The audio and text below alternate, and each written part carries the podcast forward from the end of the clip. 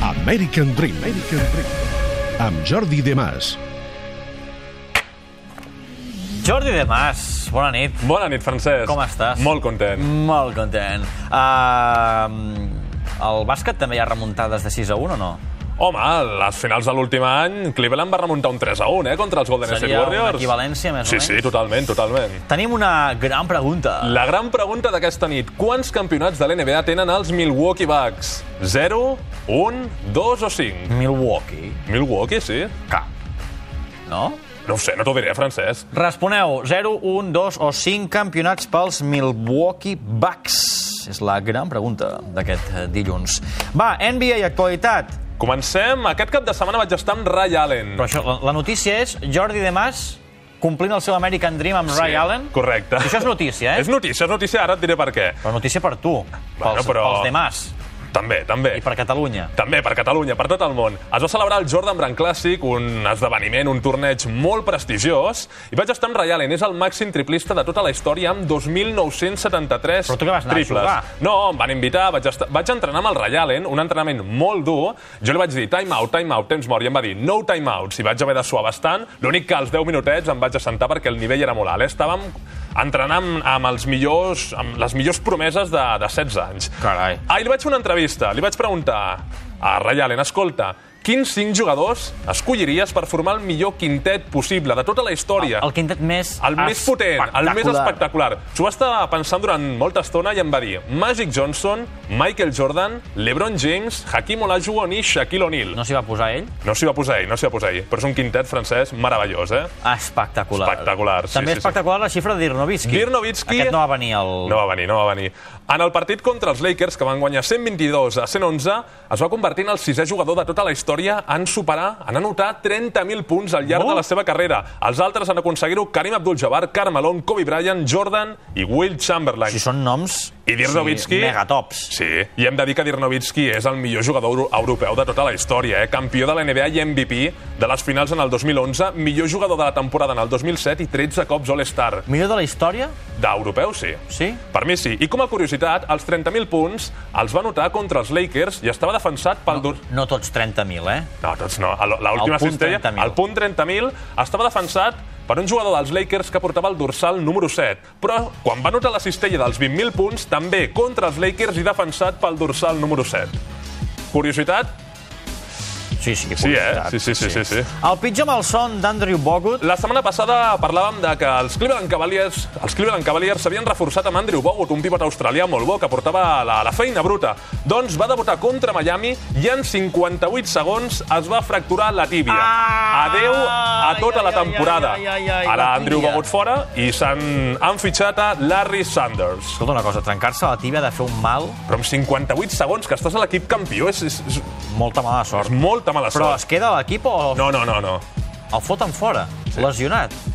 Molt bé, eh? no? Ah, NBA? L'NBA han d'anar, no es poden permetre cap baixada, han d'estar sempre al màxim nivell per poder competir amb els És com si el millors. Barça n'ha fot al carrer l'Eix Vidal. Però a l'NBA és, És, és inhumana. és, és un nivell molt alt, és un nivell molt alt i Ah, ja... El futbol no, no. També, també, fatal, també, home. Fatal. Escolta, es va suspendre un partit per culpa d'aquí? Es va suspendre un partit per culpa de Disney. I vosaltres direu, per què? Què va passar? En el partit de Blazers contra Timberwol- Timberwolves no es va poder jugar perquè en el Target Center, al pavelló de Minnesota, es va celebrar l'espectacle de Disney on Ice, no? Home, fantàstic. Sobre patinatge sobre gel, els Sí. sí. personatges de Disney. Doncs la pista de gel va quedar per sota del parquet, sempre ho, ho amaguen per sota, i es van donar les condicions adequades, humitat, temperatura, i es va formar una condensació, i tot relliscava, no podien jugar. I no és el primer cop que passa aquest any, Hauria eh? estat un Blazers Timberwolves on ice.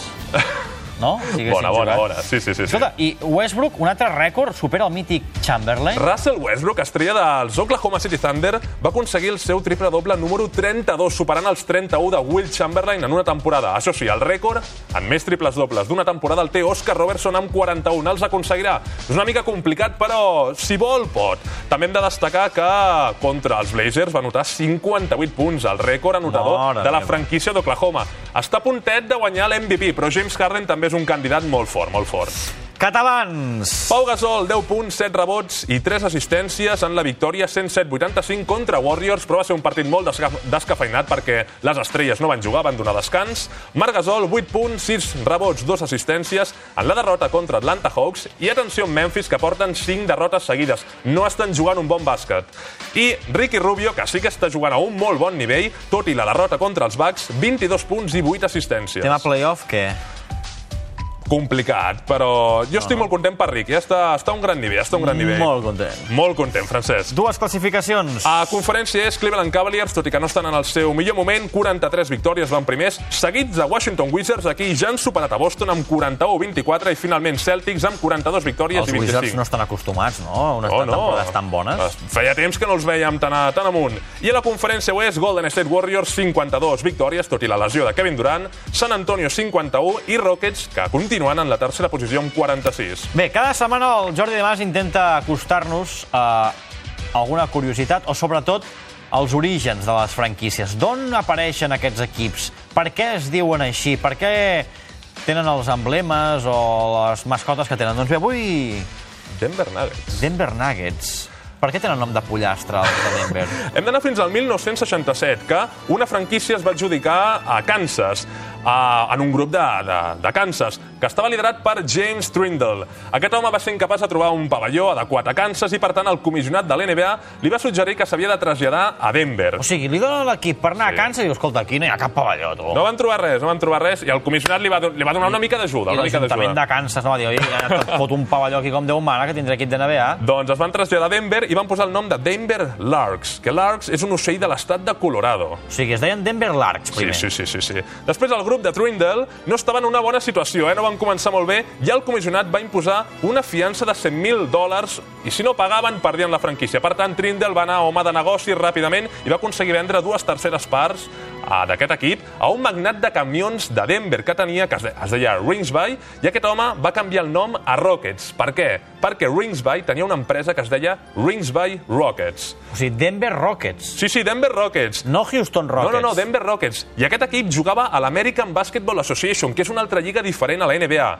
Però lo fort és que en el 67 a la NBA també hi havia un equip que es deia Rockets, els San Diego Rockets. Per tant, si... Tampoc els Houston No, Rockets. no, no. Per tant, que si Denver volia entrar a la NBA s'havien de canviar de nom.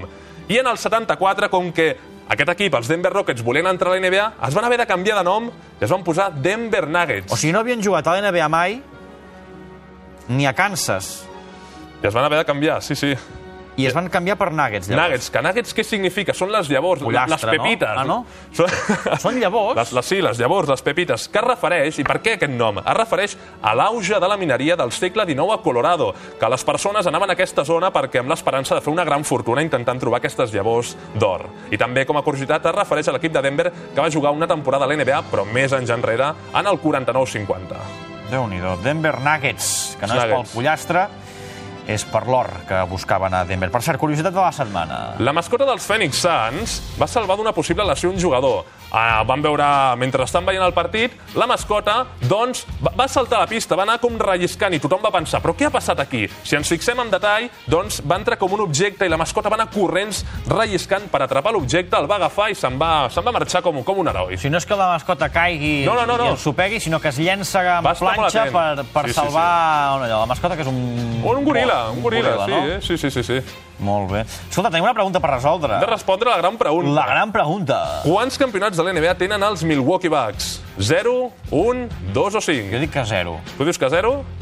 Podria ser, podria ser. Ho diem? Resposta? 1. En el 1971 van guanyar 4-0 als Baltimore Bullets. Milwaukee Bucks. Wisconsin, no? És Wisconsin? Sí, Wisconsin. Doncs felicitats. Tu no ho vas veure. Jo no ho vaig veure, no, no. Jo tampoc. Jordi de Mas, La setmana que ve més. tu estàs sencer, no? Jo sí,